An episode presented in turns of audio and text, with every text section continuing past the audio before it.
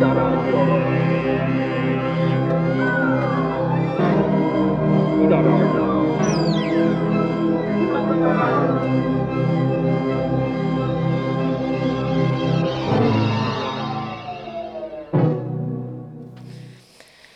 päevast, Keskkonnatund on jälle eetris ja täna on meil külas Kaja Tael. tere, Kaja! tere! Te olete kliima- ja energiapoliitika esindaja Välisministeeriumis. jah. Milline on teie igapäevatöö sisu? see on väga hea küsimus ja see muidugi praegusel koroona-ajastul ei ole kindlasti see, mida ma sooviksin. aga minu, minu igapäevatöö üks osa peaks olema äh, rääkida teiste riikidega läbi siis äh, kliimapoliitikat, seda kindlasti oleks palju kergem teha, kui, kui ma saaksin nende inimestega ikkagi silmast silma kokku, nii et ma olin valmis ikkagi päris äh, reisimiseks. aga tänapäeval seda ei ole, nii et noh, ütleme siis, minu tänane päev seisnes selles, et, et et hommikul oli mul kohtumine oma Saksa kolleegiga, Saksa välisministeeriumi äh, kliimaosakonna juhatajaga. Ja vahepeal äh, vastasin ma paljudele kiiretele küsimustele, mida on tarvis teha vahel riigivalitsemises igasugustele ettepanekutele reageerida ja nüüd istun ma siin raadios, sest ma arvan, et üks osa minu tööst kindlasti peaks olema ka ikkagi avalikkusega rääkimine mm. -hmm. see on, äh, selle üle on mul väga hea meel, et me saame vestelda, sest et üks ja põhiline põhjus, miks me täna seda vestlust ka peame, on see, et et järjest rohkem ja rohkem äh, mina oma sellises ka igapäevases tegutsemises saan aru, et et mina ja ka paljud teised siis tavakodanikud tegelikult ei saa aru, kuidas sellised poliitilised otsused jõuavad nagu praktilisse ellu.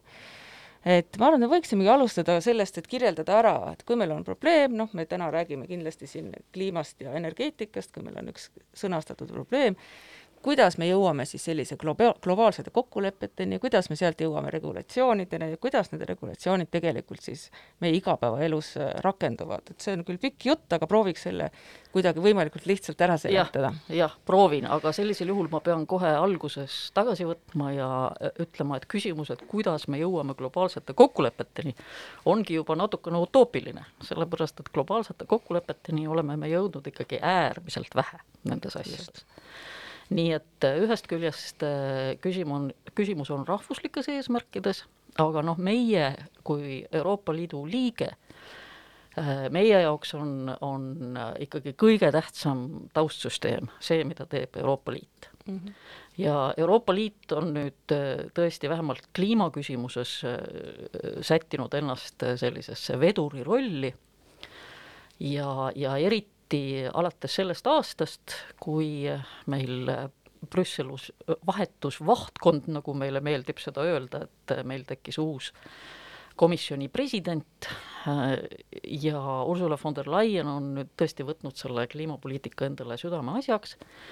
Ja selle tagajärjeks on siis nüüd see, et Euroopa Liit on lauale pand-, pandud äh, niisuguse väga-väga kõikehõlmava visiooni sellest, mida tuleks teha, et kliimaeesmärke paremini täita, selle nimi on Euroopa Liidu rohelepe. aga kuidas need vajadused sinna roheleppesse jõuavad, et kohe prooviks sellest ka alustuseks aru saada, et mille põhjal pannakse üks selline visioon kokku? no kindlasti üks osa sellest on niisugune akadeemiline taust. et et teadlased on meile rääkinud sellest, kuidas on tarvis vähendada kasvuhoonegaase ikka juba väga kaua, kahjuks. eriti pole valitsused äh, selles asjas toru võtnud. Äh, mis see nüüd oli, mis nagu nii-öelda selle, selle kaalukausi lõplikult kallutas roheleppe suunas, on arvatavasti väga keeruline kompleks sellest, et meil on maailmas väga selge vajadus, aga ka sellest, et kõikidel liikmesriikidel on teatud poliitilised vajadused. ja siin ma mõtlen just seda, kuidas kuidas valitsused reageerivad tegelikult ikkagi sellele, kui oma kodanikud tulevad tänavale.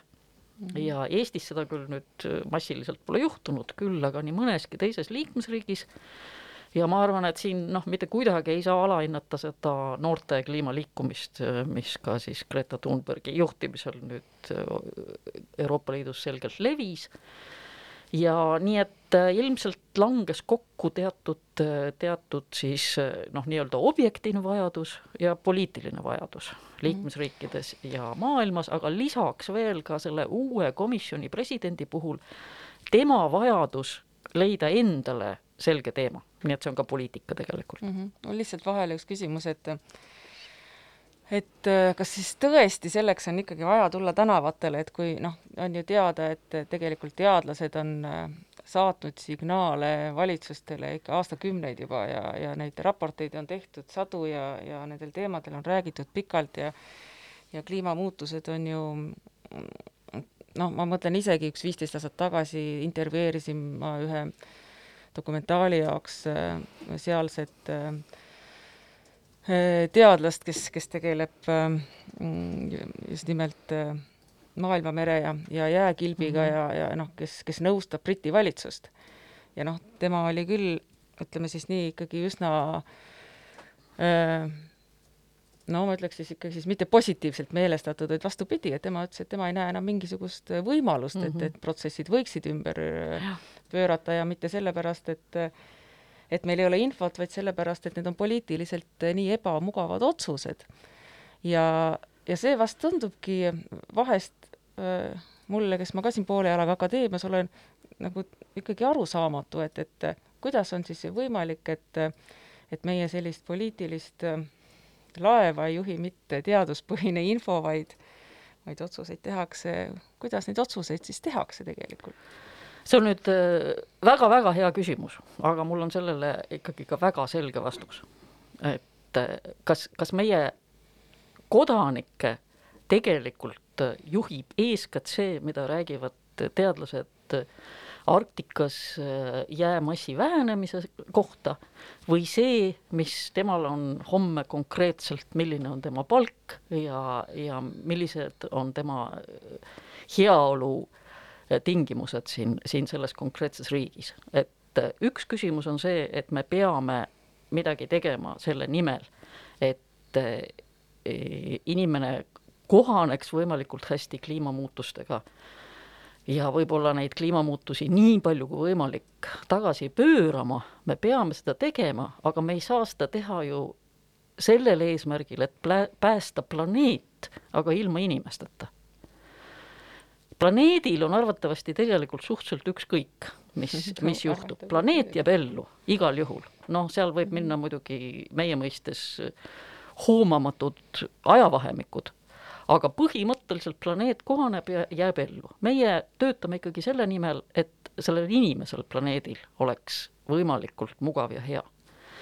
ja inimesel ei ole mugav ja hea, kui tal ei ole piisavalt süüa ja tal ei ole piisavalt energiat. see ongi niisama lihtne vastus, see ongi ja noh, poliitikud lihtsalt peavad arvestama äh, erinevate ühiskonnakihtide erinevate majanduslike huvidega ja erinevad parteid muidugi noh, leiavad sellele erinevaid lahendusi, see on, see on, see on ka täiesti loomulik.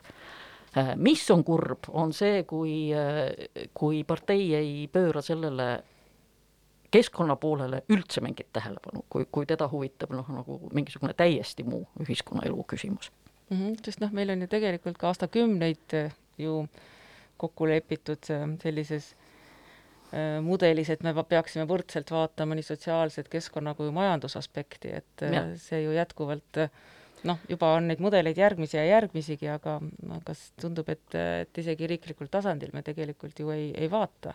no see on miljoni dollari küsimus, kuidas kõik need huvid tasakaalustada. ja, ja, ja see on nüüd, ma ütleks, mida Euroopa Liit nüüd üritab teha selle roheleppe raames, on nüüd tegelikult esimene katse seda tõesti vaadata täiesti kompleksselt mm, -hmm. sest eh, see suur globaalne ülesanne, milles me oleme kokku leppinud Pariisi kliimaleppe raames, mis on siis eh, põhimõtteliselt kasvuhoonegaaside heitmete vähendamine niimoodi, et maailma temperatuur ei tõuseks rohkem kui üks koma viis kraadi.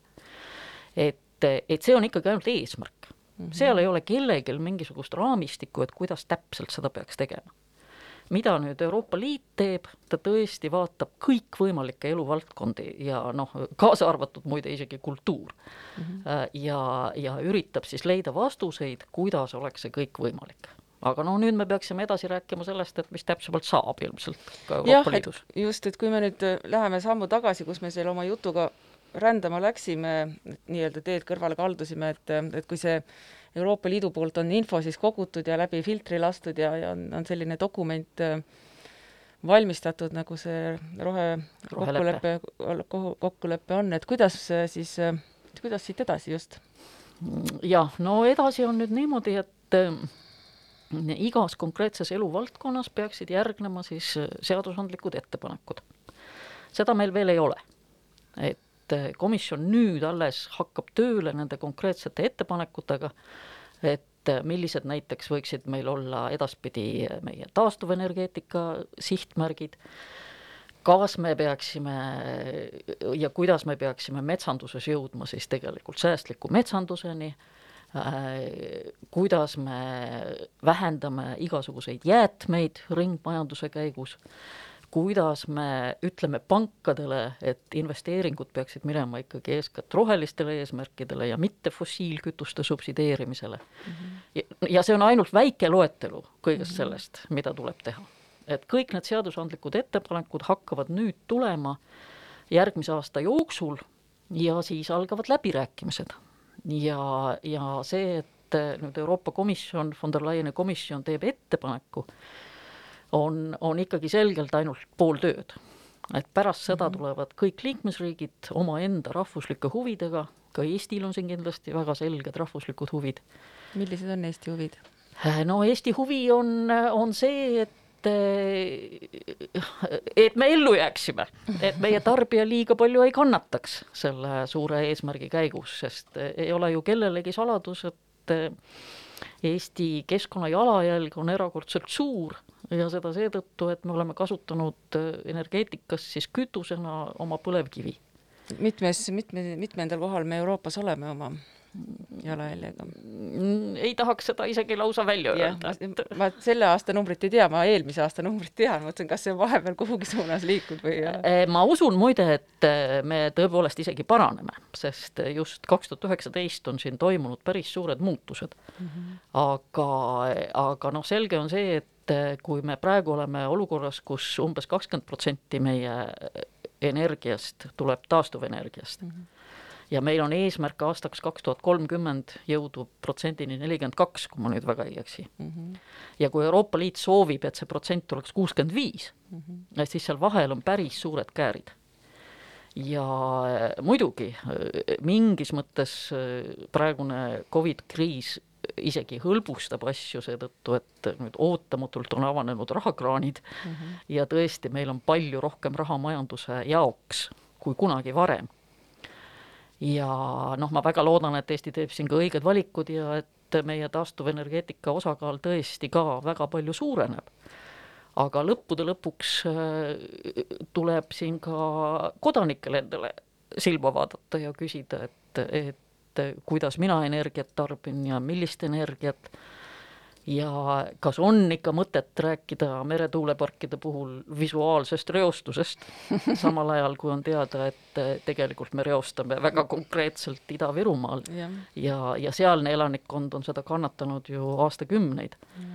et, et ma arvan, et ei ole päris adekvaatne võidelda korraga visuaalse reostuse ja, ja puhta looduse eest?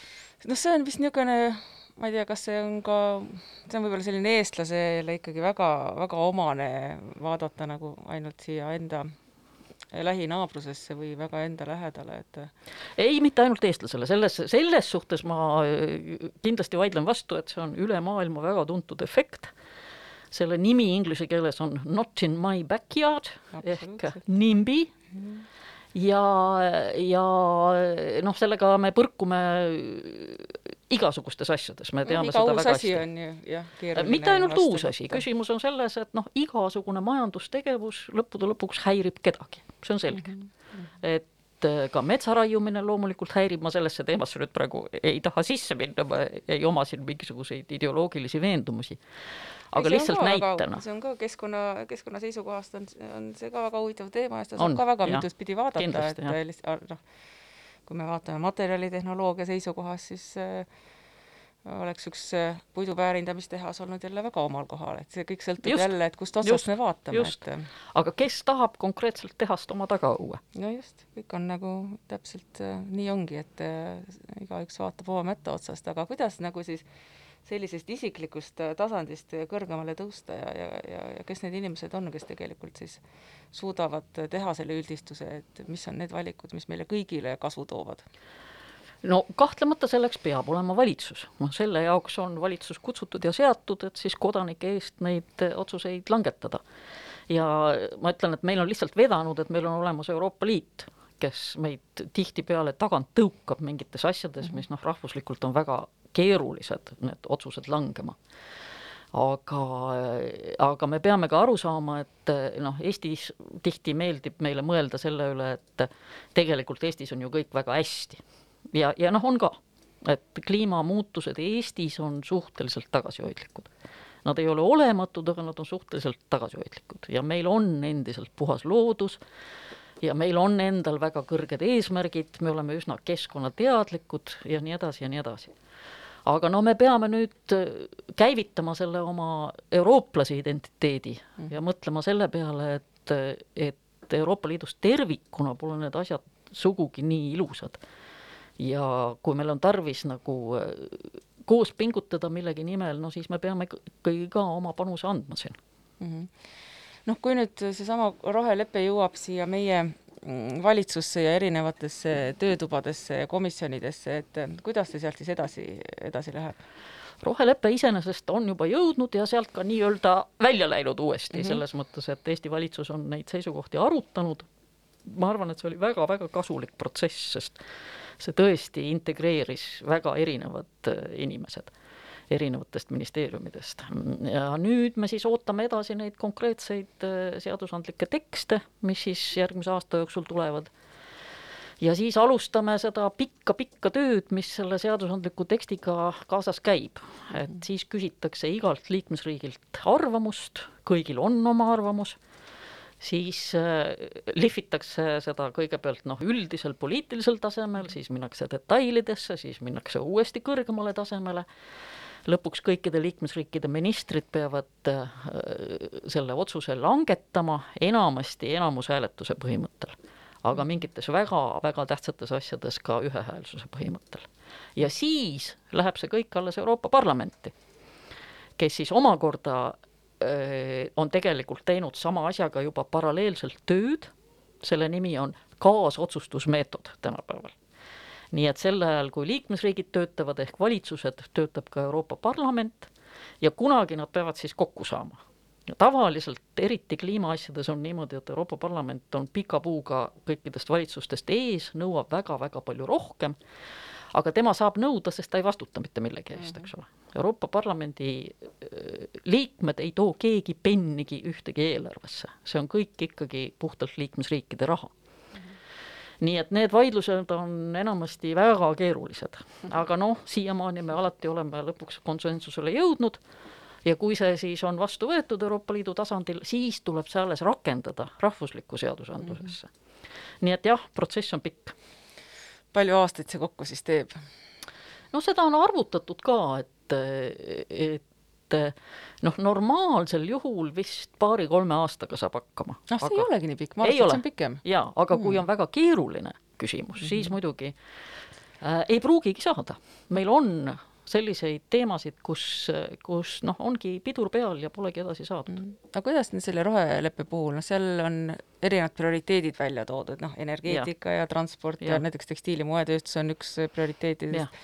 kas seal ikkagi liigutakse nagu terviklikult või minnakse plokkidega, et, et kuidas see kui ilmselt ka on no ma arvan, et see rohelepe lepe kui selline paberina ongi nüüd see terviklik protsess. Mm, -hmm. edasi minnakse ikkagi plokkides konkreetselt nendes valdkondades, kus siis tarvis on, aga, aga nüüd suhteliselt varsti me peame otsustama siiski ära mis on meie põhivahendid nagu üle valdkondade mm. -hmm. ja praegu tundub, et üks, üks põhivahend, no see tähendab lihtsalt seda, et, et ei piisa sellest, kui meil näiteks on noh, ringmajanduses mingisugused kindlad, kindlad standardid ja mingid protsendid, kui palju tohib prügi kusagile ladustada ja kui palju põletada ja nii edasi mm, -hmm. nii edasi vaid kui me räägime sellest suurest eesmärgist, keskkonnagaaside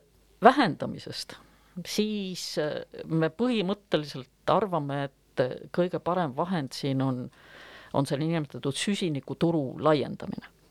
ehk Euroopa Liidus me praegu oleme kehtestanud äh, niinimetatud süsi, äh, süsinikhappe kvoodid mm, -hmm. siis energeetikas ja tööstuses mm. -hmm. ja, ja see töötab see töötab isegi väga hästi. et et ja ei saa salata, et eks ka Eesti innukus üle minna taastuvenergeetikale sõltub sellest, et noh, majanduslikult ei olnud enam nii väga tulus põlevkivist mm -hmm. elektrit toota mm. -hmm. noh, sinna invest-, sellesse sektorisse investeeringuid vist enam ei oleks jah, idee poolest ei tohiks teha mm. -hmm. See on nüüd jälle teine küsimus, et kas see päriselt ka ikkagi nii. täpselt nii on mm. -hmm. ma korra küsin ühe täpsustava küsimuse, et kui me räägime nüüd sellest CO2-st ja selle, selle mõõtmisest, kas see tähendab siis seda, et Euroopa Liit tegelikult hakkab välja töötama ka mingit süsteemi, kuidas me väga lihtsalt siis suudame tegelikult kogu aeg arvutada erinevate toodete, tegevuste, keskkonna, noh, just nimelt seda CO2 jalajälge oleks see, see nii. on, see on väga keeruline protsess, ma tean, meie teeme ei, seda oma toodetele. kindlasti, kindlasti me ei arva, et nüüd on absoluutselt kõigele võimalik kohe jalajälge välja arvutada või seda heidet mõõta näiteks mm -hmm. mingi T-särgi tootmisel, eks ole, see on tõesti äärmiselt keeruline. me aga... teeme seda, ei ole ühe korra putsid läbi ja siis on juba tabel, mille järgi arvutada, aga ja. see on, noh, tegelikult on see ikkagi aga, teadus. aga teadus see, see, see on teadus omaette ja lõppude lõpuks see peab ju rakenduma nagu kaubanduses, eks ole et, et see, see kõik on suhteliselt keeruline ja sellepärast me räägimegi sellest, millistesse sektoritesse see süsinikuturg peaks edaspidi laienema mm. -hmm. et esialgu ta siis on jah, suurtööstuses ja energeetikas, me kaalume praegu, kas minna sellega ka ehitussektorisse, see tähendab siis seda, et äh, ehitussektoris tekiks motivatsioon ehitada energiaefektiivsemaid maju mm, -hmm. me kaalume, kas minna sellega transpordisektorisse mm, -hmm. mis tähendab seda, et äh, kõik see autode mass, mis meil tänaval on, kuidagi ka hõlmatakse äh, sellesse turgu mm. -hmm me kaalume minekut merendusse ja lennundusse, me kaalume ka põllumajandust ja metsandust. Mhm, aga samas lihtsalt kõrvalfaktina moe- ja tekstiilitööstus mm -hmm. toodab rohkem CO2 aastas kui kogu mere- ja õhutransport kokku. jah ja, ja eks see on üks põhjus, miks, miks kogu see asi nii kohutavalt raske on. sest, sest me võime ju rääkida sellest, et et noh, on nõudmine, on pakkumine ja, ja ütleme, kui tarbija vähendaks oma tarbimisharjumust kuidagi, et siis arvatavasti väheneks ka nõudlus ja, ja, ja see kõik oleks kliimale kokkuvõttes parem. Aga see on ikkagi ju ainult pool võrrandist, et kui väheneb nõudlus, siis väheneb ka töökohtade pakkumine ja tööhõive mm. -hmm. ja noh, me teame väga hästi, et eh, eriti vaesemates maailma piirkondades on võib-olla kogu majandus üles ehitatud mingisugusele sellisele nišile, et et siis odavalt toota midagi, mida ülejäänud maailm tarbib ja kui me suudame seda tarbimist piirata, mis on ju iseenesest loomulikult väga teretulnud, et et kas me suudame samal ajal sellele arenguriigile tekitada mingisuguse alternatiivse sissetulekuallika noh, ma arvan, et üks niisugune väga lihtne piiramismeetod oleks see, et kõik asjad lihtsalt maksaksid kümme korda rohkem. ma olen täiesti nõus, aga põhimõtteliselt see ongi süsinikuturu olemus mm. -hmm. süsinikuturg tähendabki seda, et et kaubad hakkavad maksma rohkem selle võrra, kui suur on nende jalajälg. jah, ja siis nad tegelikult ka automaatselt, nende disain või toot-, noh, tootmine muutub kvaliteetsemaks mm, -hmm. need tooted peavad ka kauem vastu, sest kõige ja. suurem, eriti kui vaadata, noh, tööstusharu, mida mina siin lähedalt äh, olen ju vaadelnud pikalt, seesama moe- ja tekstiilitööstus, ega ja kui rääkida nendest Aasia riikidest, kus ma ka siin mm -hmm. ju olen Mhm. palju aega veetnud, et ega ükski tehas ei taha oma töötajale vähe palka maksta mm, -hmm. et Mhm. loomulikult nad tegelikult ju tahaksid maksta mm. -hmm. rohkem ja sooviksid, et nende töötajad oleks parema tervise juures ja ei peaks tegema pikkasid tööpäevasid. aga noh, selge on ju ka see, et, et, et seesama ettevõte, kes sealt telli, tellib, paneb need reeglid paika ja tegemist on kergetööstusega ja niimoodi ta väga lihtsalt lähebki sinnapoole, kuhu see, kus see hind on odavam ja, ja, ja sellepärast veel kord, ka alguses sa mainisid mm -hmm. või te mainisite, et seesama globaalsus teebki kogu selle olukorra nii keeruliseks, et et kui me siin näeme asja ühest noh, aknast, siis need sealpool seitse tundi lennukiga ida pool on ja. olukord hoopis teistsugune ja, ja hoopis teised vajadused. see on väga õige ja ja on üks asi, mida ma ise olen mõelnud, et see ei ole nüüd mingi selline tõde, aga, aga ma ise olen mõelnud niimoodi, et et majanduses põhimõtteliselt äh, on viimasel ajal räägitud päris palju sellest, et arenguriikides äh, võivad tegelikult kehtida võib-olla hoopis mingid muud majanduspõhimõtted kui, kui arenenud riigis, et noh, viimase aja selline popp teema ka siin Põhjamaades on näiteks kodaniku palga maksmine mm. -hmm. ja Soome isegi tegi mingi väikese eksperimendi, millest vist noh, väga palju põhjapanevat ei saa järeldada. aga tundus, et see väga palju midagi ei muutnud. Aga on olemas majandusteooria, mis ütleb, et arenenud riigis ta ei muudagi midagi, sest meil on lihtsalt mm -hmm. nii hea juba olla. kõik on hästi. aga arenguriigis oleks see tohutult oluline just seal minna kodaniku palga peale, seal on noh, ka vähese kindla sissetuleku omamine tohutult tähtis väga suurele rahvahulgale, see hoiaks ära riikides probleemid toetuste jagamisega, mis võivad kohati olla väga suured, eks ole, toetusi küll on, aga on korruptsioon ja, ja inimesed ei ole informeeritud ja nii edasi, nii edasi. kodanikupalk lahendas palju probleeme. -hmm. et see on nüüd nagu majandus ja ma lihtsalt toon selle näite, et et võib-olla me peaksime selle rohepöörde puhul mõtlema ka tegelikult ikkagi regiooni spetsiifiliselt. et noh, on kindlasti mingisugused suured seaduspärad, aga ma ei ole veel näinud ühtegi ettepanekut, mis tegelikult nagu niimoodi mõtleks mm. -hmm. noh, üks asi mulle tundub, mille üle ka lõputult vaieldakse ja see vaidlus on ka käinud ju siin aastakümneid, et kes see peaks võtma vastutuse, et, et kas see on, noh, kui me räägime ka tootvast tööstusest, et kas see on see tellija või on mm -hmm, see, see jah. piirkond, kus see toodetakse, kas see on see suur korporatsioon, on see tootja, on see riik mm, -hmm. omavalitsus, kes see peaks võtma ja. tegelikult vastutuse ja ma arvan, et selle dialoogi ütleme nii, pidev õhus või noh, see teema ripub mm -hmm. nii pidevalt õhus ja seda vestlust ei ole lõpuni peetud ja, ja, ja noh, väga paljuski ma arvan, et, et me praegu olemegi silmitsi sellest noh, vaidlemata noh, sel-, vaidluse tagajärgedest, et tegelikult me oleme visanud mingit niisugust noh, natuke ebamugavat palli käest kätte mm -hmm. aastakümneid ja tegelikult noh, kui me räägime kas või sellest tekstiilijäätmest ja, ja sellest, et kakskümmend, kakskümmend viis tuleks kõik liigiti koguda, siis minul on küll niisugune tunne, et, et meil ei ole siiamaani tegelikult täit selgust, et kes see peaks võtma vastutuse. et et kui omavalitsus tagab ka selle kogumise, et, et mis tegelikult selle tekstiilijäätmega pärast saab. et need on nii keerulised vestlused ja need on nii keerulised otsused ja, ja, ja, ja keegi ei taha võtta seda vastutust muidugi, sest no, see on ebamugav. võib-olla ei taha, aga noh, lõppude lõpuks riik ikka peab et muidugi ka kohalikul omavalitsusel on, on seal oma väga suur roll ja, ja on tarbija harjumusel väga suur roll motivatsioonil, aga kogu süsteemi korraldamine on ikkagi riigi ülesanne, ega noh, sellest ei saa üle ega ümber. aga noh, mulle küll tundub, et riik ei ole praegu veel jõudnud nii kaugele, et ta oleks võtnud vastutuse, noh, kui me siin kõrvale lihtsalt korraks võime tuua näiteks elektroonikat, tööstuse, kus on seesama tootja omavastutus mm, -hmm. tegelikult ju toimib väga kenasti ja kogutakse kokku ja läheb ümbertöötlusesse mm -hmm. vist ligi kaheksakümmend viis protsenti või isegi rohkem, aga mm -hmm. noh, seal on turg sellele, sellele materjalile on järe, on järelturg ja seda on võimalik tagasi ringlusse tuua, et, et meil on ju palju valdkondasid, kus tegelikult me toodame seda tüüpi jäädet, millel ei ole järelturgu. jah, ja, ja no näiteks pakendi, pakendimajanduses, eks ole, tegelikult võib-olla peaks olema võtmesõna standardiseerimine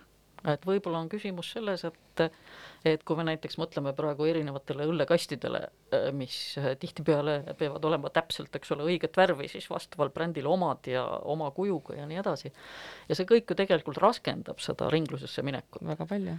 et aga, aga no siis peaks olema, eks ole, mingisugune autoriteet, kes kehtestab standardid noh, see teeks elu nii sektoris. palju lihtsamaks, vähemalt kui me räägime ringlussevõtust. absoluutselt ja, ja noh, võib-olla see on üks konkreetne asi, millega, millega riik saab tegeleda, aga muidugi me peame sealjuures arvestama, et kui me siis selle standardi kehtestame, siis sellel tööstusel on vaja teha suured investeeringud, et oma eelmisest pakendist loobuda ja minna järgmise peale ja kui palju sealt on niisugune loomulik siis tootja, eks ole, vastutus selles mõttes, et noh, mingist kasumimarginaalist ta selle raha leiab ja kui palju ta tahab riigi poolt subsiidiume, see on jällegi kõik läbirääkimiste küsimus. jaa, kuulame äkki ühe muusikapala ka, nagu ütlevad rootslased, et kuulame muusikat ja joome kohvi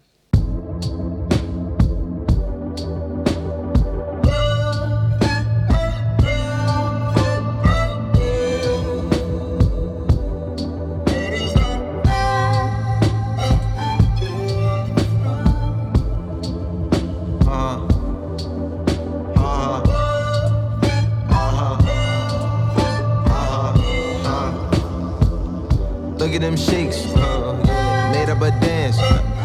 How come you shook? Uh, and I ain't took out my hands. Beans, star, bucks, star, struck. It's coming soon. Uh, that's cause you suck.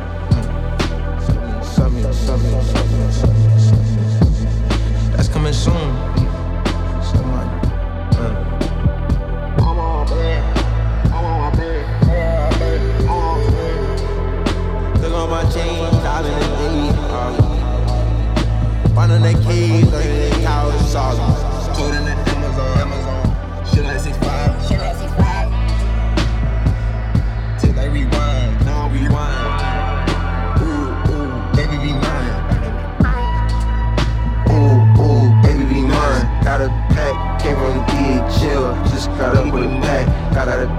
came from the chill. Just got up like a pill, got out of pack, but I'm sad, jail. Just got up on a pack, got a pack jail, pay jail, spill, spill this. Got a pack, came from the DHL. I got a shot like a tail, I got a pack, came from the jail. Just got up on a pail, I got a. Yes, niggas new, it ain't new.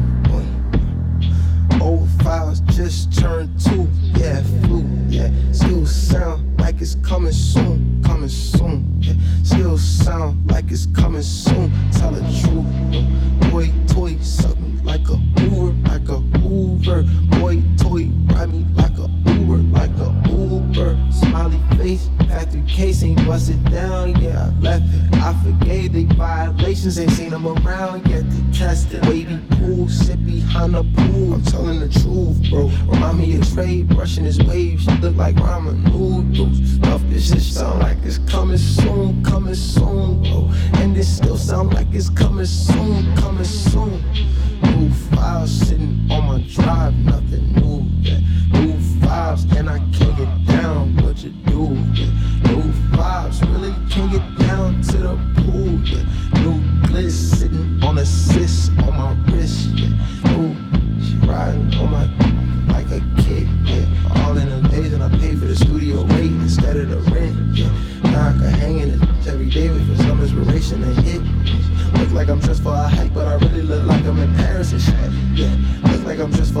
Cause I'm pitching a bag I'm pitching a tent. Yeah, same no fucking hopes and dreams, prophecy.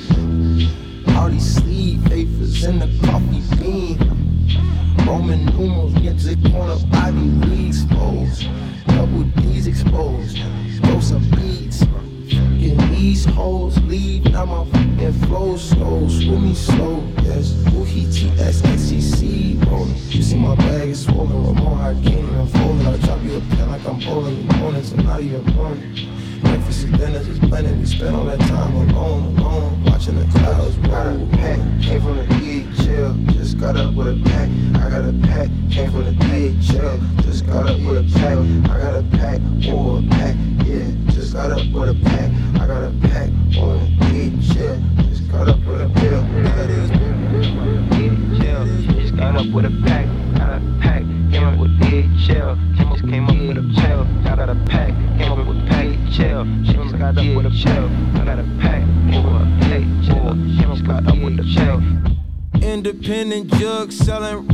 out the trunk. I'm already rich as f- so the products in the front. Got my partner in the front, been my BF for a month, but we been f- from the jump, jump, jump, jump, jump, jump, jump, jump, jump, nii, räägime siis äh, edasi, räägime maksudest, et äh, üks küsimus, mis ka ikka aeg-ajalt äh, tuleb meil üles siin, on, et kuidas me saaksime siduda maksud ja jätkusuutlikkuse, et just hästi konkreetselt ka toodete kontekstis, et et kuidas me saaksime siis tarbijale selle jätkusuutliku toote, mis, mille tootmisprotsess tegelikult on keerulisem ja ja kallim, et kuidas teda tuua nagu saama samale tasemele, et kas seal on mingit hinnastus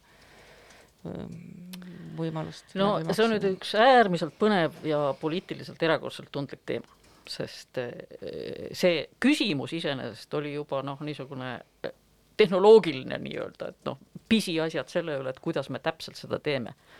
aga küsimus on selles, kas me tahame seda teha. kas me tahame peale panna mingisuguseid lisamakse ja, ja see on nüüd kõikides riikides kiivalt rahvuslik teema, me ei juhindu sellises asjas üldiselt globaalsetest trendidest vaid iga valitsus soovib, et eh, maksuinstrument oleks, oleks tema oma konkreetselt.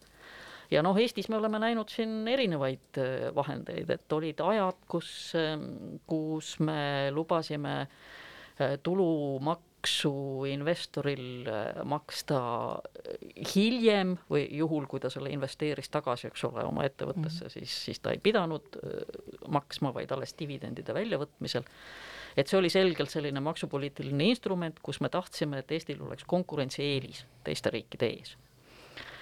ja ma ei tea, kui palju nüüd on seda analüüsi tehtud, kas sellest oli kasu või ei olnud, aga noh, see oli ideoloogiline küsimus ja see kehtib meil põhimõtteliselt siiamaani. nüüd on teine ideoloogiline küsimus, on see, kas me sooviksime maksustada näiteks autosid. autod selgelt on, eks ole, keskkonnale vägagi saastav element, eriti autod, mis on vanemad. ja väga paljudes riikides on kehtestatud automaks selle põhjal äh, siis, millised on auto heitmed ja, ja siis aastaarvu pealt ja muidugi mootori võimsuse pealt ja nii edasi ja nii edasi. Eesti on üks väga väheseid riike maailmas, kus seda ei ole. ja ja noh, nüüd me läheme nagu siis sellele küsimusele, läheneme siis sellest vaatenurgast, et äkki me saaksime mingitele toodetele panna peale siis lisa, lisa CO2 äh, maksu. CO2 maks Eestis ei ole olematu, seda on olemas kohalik CO2 maks, mida, mida maksavad siis äh, teatud äh, teatud pisikatlamajad ja, ja, ja veel midagi, et no see summa ei ole suur, aga see ja see sektor ei ole suur, kus seda makstakse, aga see mõte ei peaks tegelikult Eestis olema ka võõras. aga kas me tahame seda maksu laiendada Eestis teistele sektoritele, see on nüüd küsimus poliitikutele mm -hmm. ja, ja noh, ma tean, mida praegune valitsus arvab mm, -hmm. nemad ei taha mm. -hmm aga noh, kui vaadata sellist olelusringipõhist hindamist, et et noh, läbipaistva to-, tootmisahelaga või olelusringiga toote, mille puhul me teame, et, et ta tegelikult hiljem on odavam, noh, et ta on mhm. ringlusse võetav ja nii edasi ja nii edasi, et, et selle no mingi aeg oli ju siin jutt siis, kui ka Eesti oli eesistuja, siis tegelikult hakati välja töötama sellist sertifitseerimissüsteemi üle-euroopalist, et et kas, kas sellega on kuidagi edasi liigutud, on see üldse teema või, või ei ole, noh, et kui meil on näiteks noh, hästi lihtne näide, et kui meil on, kui me võrdleme ühte T-särki, mis on tehtud mm -hmm. suvalisest puuvillast, tema selline olelusring on äh, meile teadmata ja, ja seal kõrval on meil näiteks T-särk, mis on tehtud äh, Soomes toodetud metsatööstuse ülejääkidest mm -hmm. tselluloosist mm, -hmm. mis on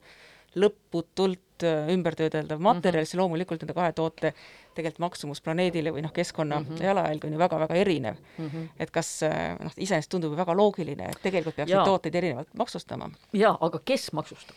see ongi see küsimus, see ongi see küsimus ja see on väga suur küsimus Euroopa Liidus, et et me oleme praegu ikka veel endiselt eelarvevaidlustes, liikmesriigid ja Euroopa Parlament. Me ei ole vastu võtnud seda järgmist suurt rahapaketti, mis meid kõiki peaks siis seitse aastat püsti hoidma, pluss siis kriisimeetmed. et meil on üli-ülivajalik, eks ole, see kokkulepe saavutada selleks, et me saaksime põhimõtteliselt jaanuarist alates juba esitada taotlusi ja me saaksime oma häid ja toredaid ideid rahastada, mis tahes eluvaldkonnas. meil ei ole seda kokkulepet. ja selle kokkuleppe üks takistav tegur oli kogu aeg see, et Euroopa Parlament soovis, et me kehtestaksime üle-euroopalised maksud mm, -hmm. muuhulgas siis, siis näiteks plastikumaksu mm, -hmm. ja liikmesriigid ei olnud selleks valmis meil on olnud väga äh, kahtlev suhtumine sellesse, äh, kas me oleme valmis koguma kõikidelt oma kodanikelt maksu ja andma selle ära ühisesse Euroopa Liidu eelarvesse.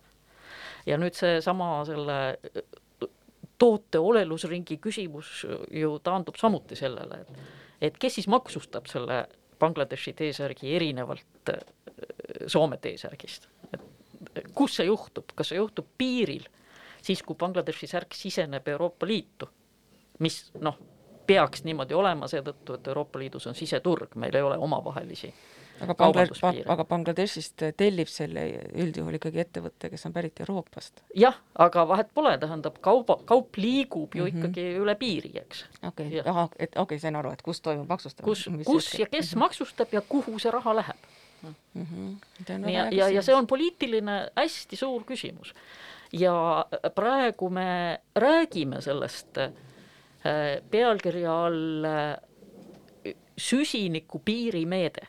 Et tal on niisugune eufemistlik väljendus, nii nagu Euroopa Liidus tihtipeale ei saa nimetada hunti hundiks, eks ole, me ei saa omada Euroopa Liidus välisministrit, sest riikide jaoks on nii oluline, et välispoliitika on nende rahvuslik asi mm -hmm.. seetõttu meil on välispoliitika kõrge esindaja Euroopa mm. Liidus.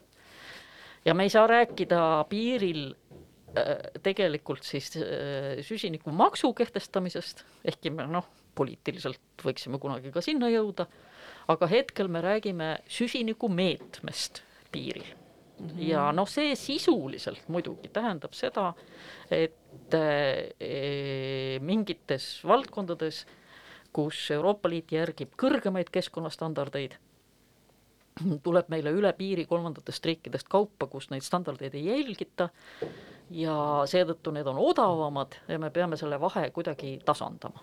Ja see on, me ei ole seda veel kehtestanud, me alles mm -hmm. mõtleme selle peale.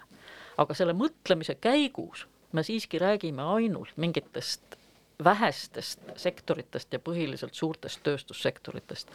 et me ei ole jõudnud nii kaugele, et me nagu kogu elu sinna, kõik kaubad sinna alla võtaksime mm. -hmm. kas äh, Euroopa Liit äh, muidu perspektiivis vaatab ka nii, niipidi, et, et tootmine võiks minna lokaalsemaks ja, ja, ja tagasi tulla või, või see, see, see, nendel teemadel eriti ei vestelda, sest reaalsus on midagi muud?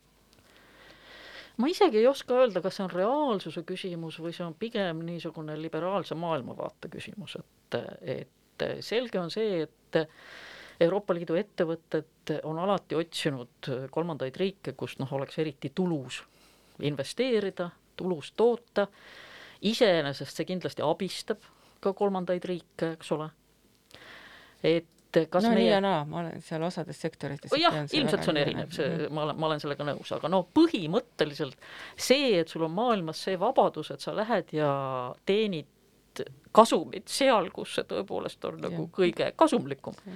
et see on kapitalismi alustala ja, ja ega see ei ole kusagile kadunud.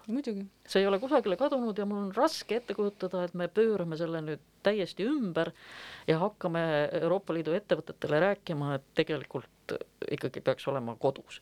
meil on noh, mingisuguseid algeid selles suunas, et me praegu räägime näiteks sellest, et Euroopa Liit tõttu ei ole teretulnud kõik investeeringud mm. -hmm. me arvame, et noh, on mingisuguseid valdkondi, mis on julgeolekuliselt olulised ja on tundlikud ja riike, kus meil ei ole nagu usaldusega kõik korras, me ei sooviks et nad investorid siia tuleks, seda nimetatakse investeeringute sõelumiseks, selles me oleme juba kokku leppinud mm, -hmm. eks ole, no see on mingis mõttes selline koduturu eelistamine ka mm -hmm. siiski aga, aga ma arvan, et noh, mis juba on olemas, on, on kindlasti näiteks toiduainete tööstuses ja põllumajanduses tervikuna. me oleme ju Euroopa Liidus selgelt otsustanud, et me säilitame oma põllumajanduse mm. -hmm. me maksame selle jaoks väga palju toetusi oma põllumeestele. sellega me tegelikult kõvasti halvendame kolmandate riikide võimalusi oma majandust kasvatada ja meie turule pääseda, aga me oleme selle otsuse teinud, sest me ütleme, et A, meile on oluline meie enda toidujulgeolek ja B, meile on oluline meie elustiil ja see, et meie külad säiliksid -hmm. ja me, meil oleksid oma kohalikud veinitootjad ja, ja õlitootjad ja, ja nii edasi ja nii edasi, toiduõli pean ma silmas. no eks see koroonakriis tegelikult tõi selle väga hästi ka välja, kui oluline on tegelikult just. oma kodulähedane selline just. nagu jah. ja noh, keskkonna mõttes noh, väga oluline on loomulikult see transpordikilomeeter mm. -hmm. et selles mõttes ma arvan, et noh, üks neid põhitõdesid, mida, mida võiks nagu küll omaks võtta, on see, et et söö kohalikku toitu, et, et see, see, see on nii tähtis mitmes mõttes, et ja, see on sulle tervislik ja sa aitad kohalikku ettevõtjat ja sa ei äh, koorma siis meie, meie planeedi lennuruumi jumal teab millega. Ja, ja, ja noh, see on ka asi, mille peale inimesed noh, mõnikord mõtlevad, aga näiteks ainult ühes valdkonnas, et no ma tean, on palju noori inimesi, kes ütlevad, et nad ei soovigi lennukiga lennata, just sellesama suure keskkonna jalajälje pärast ja, ja noh, see on tore. ma olen kohanud siin Eestis palju sakslasi, kes tulevad oma autodega selle asemel, et noh, sõita jumal teab kuhu Lõuna-Ameerikasse puhkama aga needsamad inimesed on näiteks otsustanud hakata veganiks ja tarbivad näiteks hästi palju kinoad mm. -hmm. ja, ja sellel on ka omad väga konkreetsed tagajärjed sealsamas Lõuna-Ameerikas andides, kus kino on muutunud nii kalliks produktiks, et kohalik elanik ei saagi seda enam süüa. et, et maailmas on need seosed on, on tohutu läbi põimunud ja ja minu loosung on see, et kellelgi meist ei ole tegelikult niisugust tõe monopoli, et, et selles mõttes ma suhtun lugupidavalt kõikidesse inimestesse, kes teevad midagi keskkonnateadlikku. aga kunagi ei maksa arvata, et sellega on esiteks töö tehtud ja mhm. teiseks, et noh, teised on sinust mingis mõttes halvemad, sest võib-olla teine teeb mingis teises valdkonnas. no see ongi täpselt, see on väga hästi kirjeldatud, miks kogu see eh, jätkusuutlik maailmavaade või kui me räägime ringmajandusele ülemine, minekust, miks see on nii keeruline, see tegemist on erakordselt eh, kompleksse teemaga, aga mõtlesin, et nüüd meil natuke veel on aega, me võiksime rääkida veidikene arendus arendustegevusest, teadus-arendustegevusest, et, et noh, mm, see rohelepe tegelikult kirjeldab need probleemid päris kenasti ju ära ja toob välja ka sektorid ja, ja, ja paneb ka tegelikult paika tulevikusuunad, et kuhu me võiksime, kuidas me võiksime liikuda, et seal on ikkagi väga suur osa on uute tehnoloogiate väljatöötamisel ja just nimelt teadusarenduses. ja noh, siin, kui see siin välja tuli, see rohelepe ja seda ma ka seal siis oma nii erialast lähtuvalt lugesin ja analüüsisin, siis ma sain aru, et äh, noh, tööd on, ambitsioon on kõrge lahendusi on väga vähe, tööd tuleb teha kohutavalt palju. ja, ja see tõesti, see, see tsükkel või kuidas ta siis noh, sellisest tootearendusest või, või teadus-arendustegevusest lõpuks rakenduks ja hakkaks ka siis tegelikult minema nii-öelda massi või et ta mm -hmm. hakkaks mingit mõju omama, see on ju ikkagi selline äh, kuus, seitse, kaheksa, kümme, viisteist aastat, need on tegelikult väga pikad mm -hmm. protsessid, et, et kas äh, Euroopa Liit on mõelnud, kuidas neid kiirendada või mis need äh, prioriteedid on, palju sinna raha on mõeldud mm -hmm. panna, et kuidas see hakkab välja nägema? jah, jah, noh, väga palju on mõelnud, tõesti väga palju. ja mina isiklikult olen ka ikkagi väga selgelt tehnoloogia usku, et, et ma toon sulle lihtsa näite, et et et ma juba enne mainisin, et see nõudmine ja pakkumine ja nendevaheline tasakaal ja see on tegelikult ainult pool võrrandist, et noh, võtame niisuguse lihtsa näite nagu Eesti energia tarbimine, eestlase energia tarbimine. Et eh, meil on Eesti Energia poolt loodud võimalus öö, valida rohelise energia pakett. No väga suurepärane, ma, ma ei ole Eesti Energia eestkõneleja, ma ei tee sellele paketile eraldi reklaami ega midagi muud taolist, aga ma lihtsalt räägin selle olukorra lahti, et äh, roheline energia põhimõtteliselt muidugi ei tähenda seda, et sinu pistikupesast tuleb roheline elektron, aga see tähendab seda, et, et sa maksad natukene rohkem ja see tõesti vist ei ole väga palju, natukene rohkem ja, ja siis Eesti Energia annab lubaduse, et ta ostab börsilt siis tõesti taastuvenergiat. Ja see on, kõik on väga tore, aga oletame et, et sada protsenti Eesti inimestest ütleks, et nad soovivad rohelist energiat, mis nagu võiks ju olla eesmärk mm. -hmm. aga seda energiat ei ole mm. -hmm. energia ei ole sada protsenti roheline me oleme praegu teel sinna, et siis muuhulgas selle rohelise energia paketi abiga suurendada investeeringuid taastuvenergeetikasse ja nii edasi ja nii edasi, kunagi aastakümnete pärast see noh, võib-olla tasub ennast ära, aga praegu noh, ei ole sellest kasu, kui tarbija on väga teadlik. meil ei ole lihtsalt turul pakkumist mm. -hmm. ja kõik need teadlikud tarbijad, oh sa issand jumal, kuidas nad ei taha elektrist loobuda, eks ole see on, see on, see on täiesti selge, sest noh, lõppude lõpuks on kõik meie suurepärased telefonid ja, ja, ja, ja kogu meie Facebooki maailm töötab ju ikkagi vägagi energiat tarbivalt. Kõik need serveripagid ja, ja, ja muu taoline, et noh, see ei ole üldse süütu tegevus, et me hoiame üleval neid tohutuid ülemaailmseid andmebaase ja suhtluskeskkondi. -hmm aga selle peale ju noh, noor keskkonnateadlik inimene nii väga ei mõtle või isegi kui, kui ta mõtleb, et ega ta siis loobuda sellest ikkagi ei taha. nii et kus on lahendus? lahendus on tehnoloogias lahendus on selles, et me suudaksime tõesti toota teistsugust energiat, taastuvenergiat. ja noh, praegu tundub, et see võtmesõna siin tuleviku jaoks oleks vesinik mm, -hmm praegu üle terve maailma arutatakse selle üle, kuidas see siis muuta tegelikult nendest nii-öelda katse staadiumis asjadest siis tegelikult ka nagu tootmise jaoks oluliseks.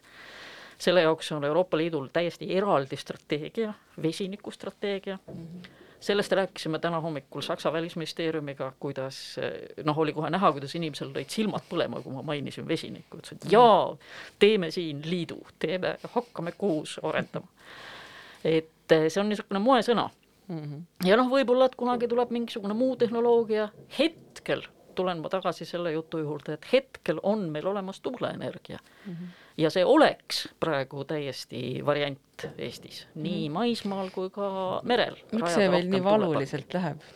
hea küsimus et ühest küljest muidugi oli siin ka tõesti takistused riiklikult, sest leiti, et Eesti julgeolek ei ole tagatud, kui Kaitseväe radar ei saa äh, tule tuuliku tagant välja piiluda, aga noh, selle me oleme nüüd enam-vähem ära lahendanud, et me oleme nüüd kaardistanud ikkagi maa-alad, kus me saame ilma kaitseväeliste piiranguteta tuulikuid rajada.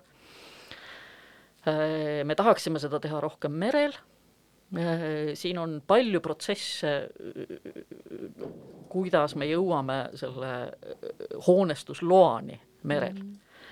Ja osa sellest on riiklik, aga osa puudutab kohalikku omavalitsust nii et kohalik omavalitsus kindlasti tuleb kaasata ja, ja noh, mina arvan, et lõppude lõpuks tuleb ikkagi kohalikule omavalitsusele tekitada mingisugune tuluvõimalus sellest asjast mm. -hmm. inimesed peavad aru saama, et see tuleb sellest ka majanduslikku tulu mm. -hmm noh, lõppkokkuvõttes paneb ju ikka turg kõik paika, et see sama ju jäätmevaldkonnas ja igal pool. no absoluutselt. Aga noh, seda Eesti äh, energiapoliitikat vaadates äh, kakskümmend viiskümmend peaks ju minema, on eesmärk ju Euroopa Liidus minna süsinikneutraalseks, et mis täiesti teie isiklik arvamus on, kas Eesti üldse kuidagi on sellel kursil, et see on realistlik või? Äh, no Eesti äh, ei ole sellel kursil selles mõttes, et meil puudub riiklik plaan, kuidas me täpselt niisuguse asjani jõuame, aga see ei ole võimatu tähendab, meie praegune plaan ütleb, et kaheksakümmend protsenti peab olema taastuv mm, -hmm. taastuvatest allikatest kaks tuhat viiskümmend. me peame nüüd tegema mingisuguse lisapingutuse ja leidma veel kakskümmend protsenti. aga kes Eesti riigis on see inimene, kes peaks äh, ütlema, et see on ikkagi meie prioriteet siin üks plaan luua ja, ja see ka ellu viia? No põhimõtteliselt peaminister on seda juba öelnud ja see Mhm. oli ka põhjus, miks Eesti sai liituda nende riikidega, kes olid nõus sellega, et Euroopa Liit eh, saab kliimaneutraalseks aastal kaks tuhat viiskümmend. et kuidas me täpselt Eestis selleni jõuame, noh, andke meile nüüd ka natukene aega selles mõttes, et alles äsja me võtsime vastu kliimaplaani, see oli vist kaks tuhat seitseteist, mis ütles, et noh, meie eesmärk on vähendada kaheksakümmend protsenti, et me noh, teeme esimesi samme selle plaani raames ja nüüd me peame kohe selle plaani ümber tegema ja, ja midagi veel rohkem tegema mm. -hmm. et noh, arusaadavalt see on siiski natuke frustreeriv ka ei muidugi on. ja, ja päris ruttu see ei lähe, aga, aga mina isiklikult tegelikult ei kahtle, et me saame sellega hakkama, sest noh, lõppude lõpuks ärgem unustagem, et et selle asja juures ju on võimalik ka rakendada muid vahendeid, et esiteks meil on, meil on metsaalad, mis absorbeerivad süsinikku, selle võib maha lahutada sellest, mida me heidame, ja teiseks eh, on võimalik ka süsinikku püüda äh, atmosfäärist, püüda ja siis kas kasutada või ladustada. Ka see on niisugune tulevikutehnoloogia mm. küsimus, tehnoloogia iseenesest on olemas, aga eh, noh, seal on veel palju, palju võimalusi, kuidas seda paremini rakendada, nii et eh, ma ei ole tegelikult üldse pessimistlik Eesti suhtes. ja mis meil need siis, meil on äh, ringmajandusstrateegia, mis meil on tegemisel praegu, siis on äh, energi-, energiakava, võib nii seda nimetada, mis Kliimaenergiakava, kliimaenergiakava, mis meil veel sellised olulised dokumendid siis, mis teie laual ka on hetkel Eesti Vabariigis töös on? jah, no siis äh, väga tähtis on, on strateegia nimega Talust toidulauale, mis mm -hmm. siis puudutab kõike, mis, mis käib põllumajandusega koos, siis, siis nii see toidu tootmine kui ka toidu tähendab, toidu kasvatamine, toidu tootmine, toidu tarbimine, eks ole, et, et see on olnud üks niisugune väga suur tükk tööd. Ja siis ehitussektor, nagu öeldud, et meil on olemas ka riiklik ehituskava, kus me, kus me tahame renoveerida siis Eesti, Eesti ehitisi niimoodi, et et nad kasutaksid tunduvalt vähem, ütleme siis lihtsalt, et sooja nii hirmsasti ei lekiks, eks ole mm. -hmm ja, ja siis on muidugi noh, elurikkus kui selline, et üks asi on noh, puhtalt toidu kasvatamine ja põllumajandus ja teine asi on siis noh, see looduse liikide mitmekesisuse säilitamine mm. -hmm ja siin on ka, ma ütleks, meil, meil päris palju lootust, esiteks Eesti seis ei ole tegelikult väga halb, ehkki on halb, ma tean, noh, me võime rääkida liikidest, mis on täiesti kadunud ja nii edasi ja nii edasi, aga aga võrdluses on siiski veel enam-vähem, aga teiseks on meie teadlastel häid ideid, kuidas näiteks ka põllumajanduses toimetada, kuidas teha niimoodi, et ka muide meie Läänemerre nii kohutavalt palju reostust ei jõuaks et, et jäta kraavikaldad niitmata, lihtne asi, eks ole. jätta põllul ka mingisugused siilud niitmata ja on seal igasugusel elurikkusel mõnus sebida mm -hmm. ja nii edasi, nii edasi, nii et et mõte on selles, et kuulame teadlasi, neid lahendusi pakutakse, aga noh, pärast seda tuleb saavutada ühiskondlik kokkulepe. -hmm. viimane korra küsimus veel seoses meie uue keskkonnaministriga kes küll oma esimeses intervjuus andis, ütleme siis nii, et mitte just väga sõbralikke noote äh, ja pannes ka paljuski kahtluse alla meie tänast vestlust, et et kas, kas, milline lihtsalt teie täiesti isiklik arvamus on, et, et kui oluline üldse on keskkonnaministri roll selleks, et need asjad saaksid tehtud? no absoluutselt väga-väga-väga oluline. aga kui ta ei kaasu sellesse töösse, siis peavad teised rohkem tegema ja nii ongi. ma tänan väga, et te leidsite aega ja väga huvitav, minul oli väga huvitav, ma sain väga palju targemaks taaskord ja on aeg jälle kuulata veidike muusikat, aitäh! aitäh!